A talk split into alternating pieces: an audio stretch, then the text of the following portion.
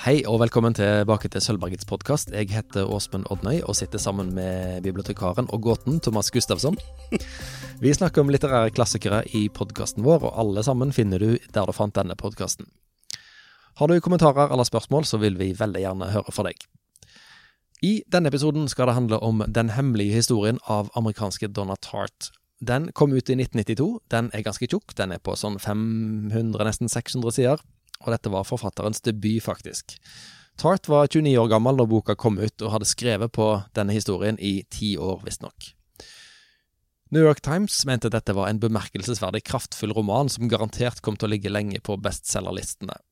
Og det fikk de rett i. Boka er oversatt til 24 språk og har solgt i mer enn 5 millioner eksemplarer siden 1992. Og Thomas, um, når vi skulle lage lista over klassikere som måtte med i denne sesongen, så nevnte du dette på Instagram-profilen din, tror jeg. Book Thomas. Og mm. du nevnte at vi skulle blant annet ta for oss Donna Tart, den hemmelige historien. Mm. Og jeg tror det var først da jeg skjønte at dette er ei bok som mange i vår generasjon, altså sånn 40, mm, midten av 40, har et veldig sterkt forhold til. Mm. Hva er grunnen til det? Hva er det med denne boka, denne hemmelige historien, som gjør at den eh, har altså dedikerte fans? Å, det var et kjekt spørsmål. Eh, det har jeg ikke tenkt på, men med en gang når du, når du um, sa det, så, så, husker jeg Jeg tror det var Jeg vet ikke om det var um, på NRK, eller om det var Aftenposten, som hadde en sånn artikkelserie med musikk fra når du var ung. Har du lest det? det var, de intervjua sånn uh, forskjellige Blant annet en, en forskere som heter Ylve Østby, uh, som er forsker på min uh, på hukommelse og sånn.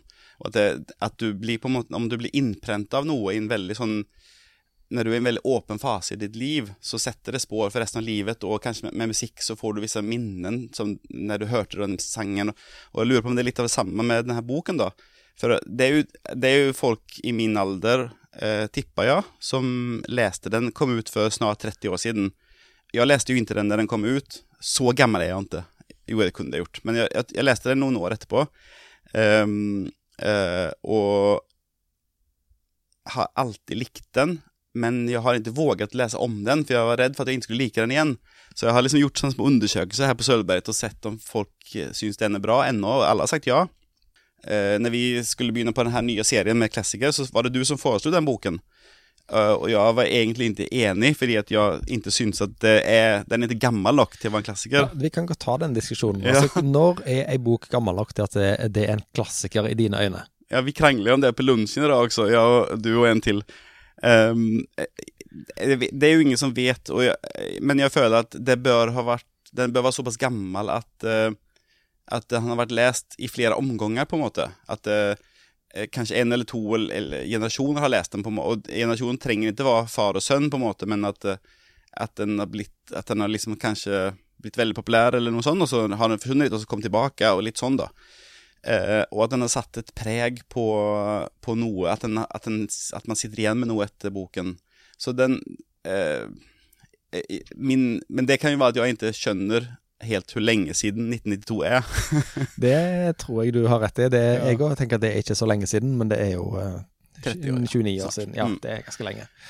Men iallfall, den hemmelige historien. Hva er det denne boka handler om? Ja, det er en sånn Det er på en måte den um, Den uh, uh, Hva skal man si Den ultimate sånn det er jo ikke high school, men det, det er liksom det der um, det, det, En kul gjeng på universitetet og så blir, som blir skildra Sånn hovedpersonen, da, eller han som forteller, han kommer inn, inn utifra. uh, han kommer fra vestkysten i USA. Kommer han til et sånt der uh, fint, uh, gammeldags universitet på østkysten.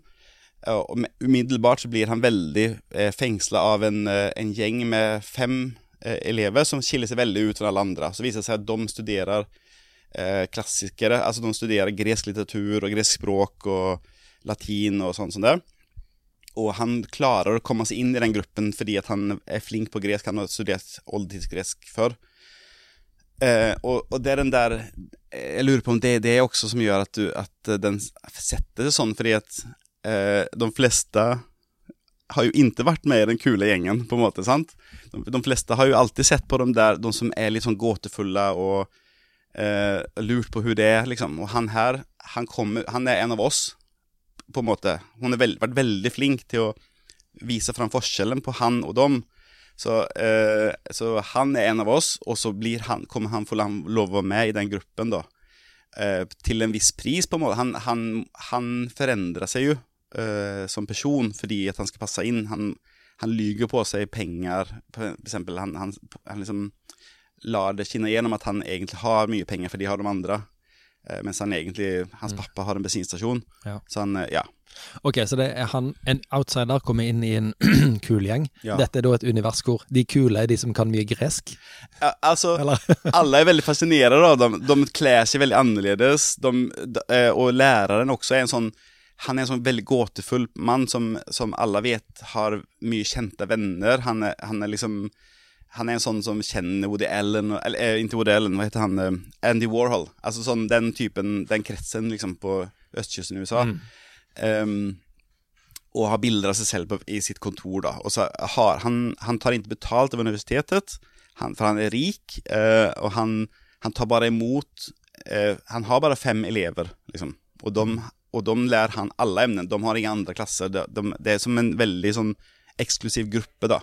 Nettopp. Og Men hva er det som, er, hva er det som skjer, da? Det ok, du har noen personer, du har en lærer, men eh, hvorfor foregår det i 600 sider?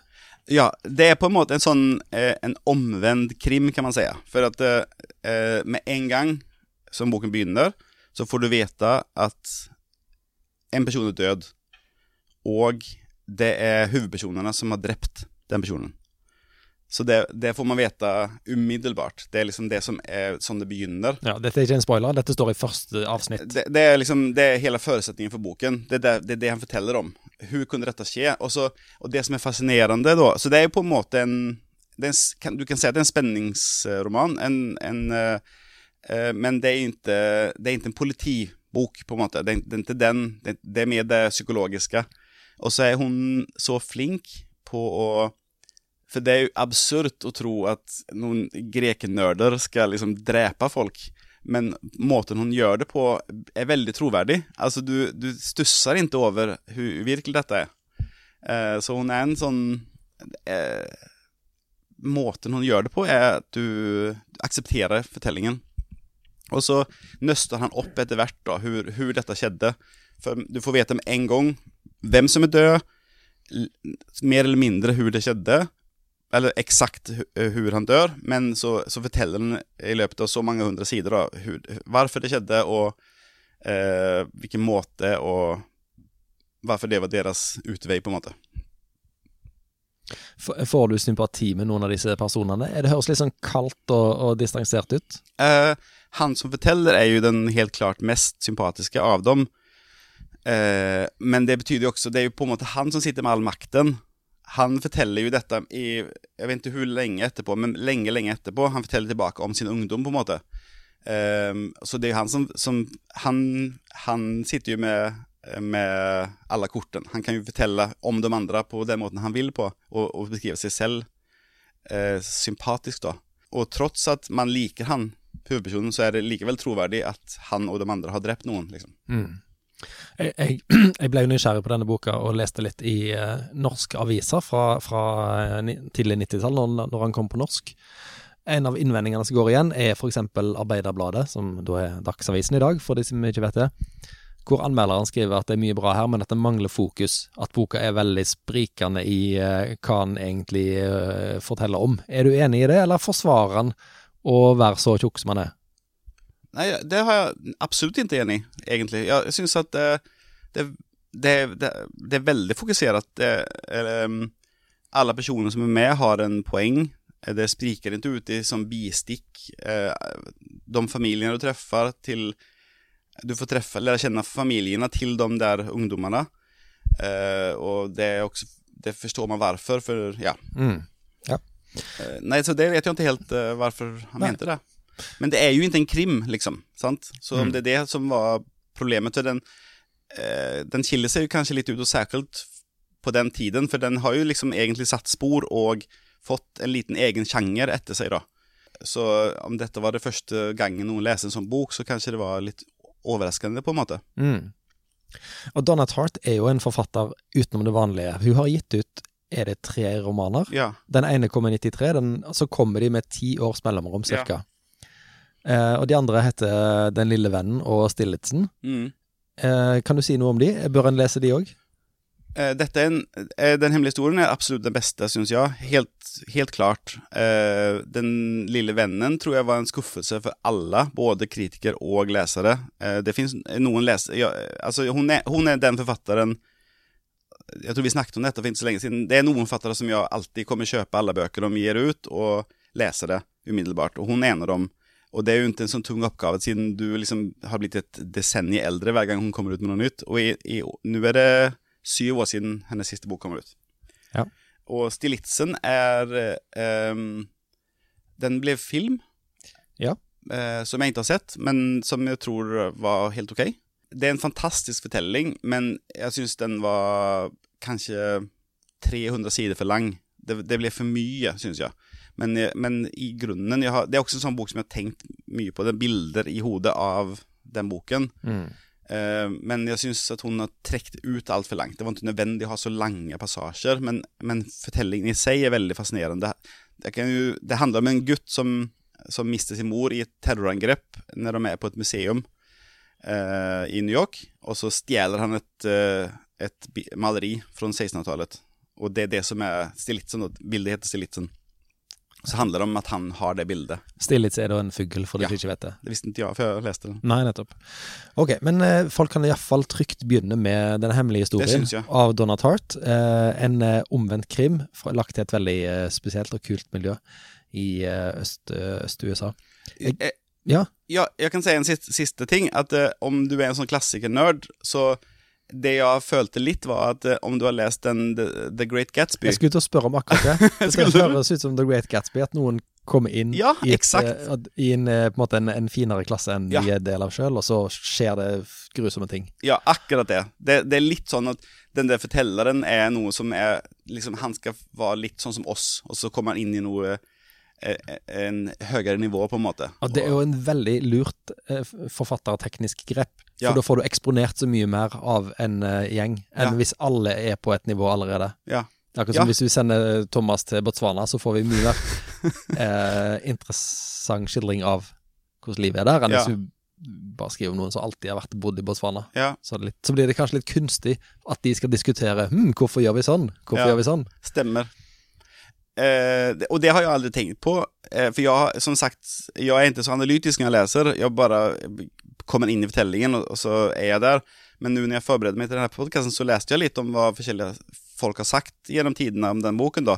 Og da, og da var det en av de tingene at det, eh, det er et sånt grep som man kan gjøre for å liksom, Som du sa, med at du skildrer eh, eh, på en måte. Ja. Hva, er det, det- hva er det det heter på engelsk? Fish out of water, eller noe sånt? Fisk, Ja, fisk på land. Du, du, Ja. Slipp en person inn i et ukjent miljø. Ja,